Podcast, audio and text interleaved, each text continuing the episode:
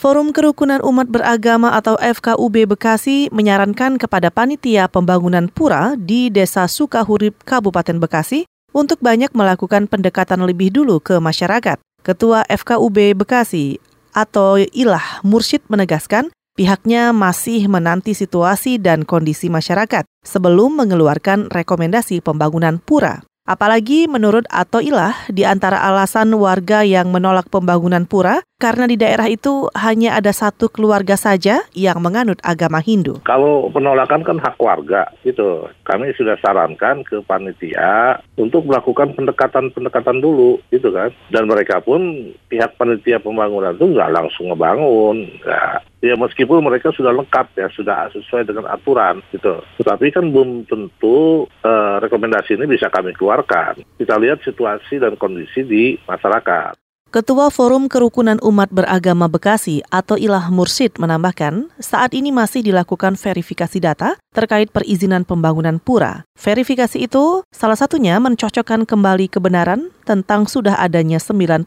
calon jamaah dan 60 warga yang menyatakan tidak keberatan atas pembangunan pura itu.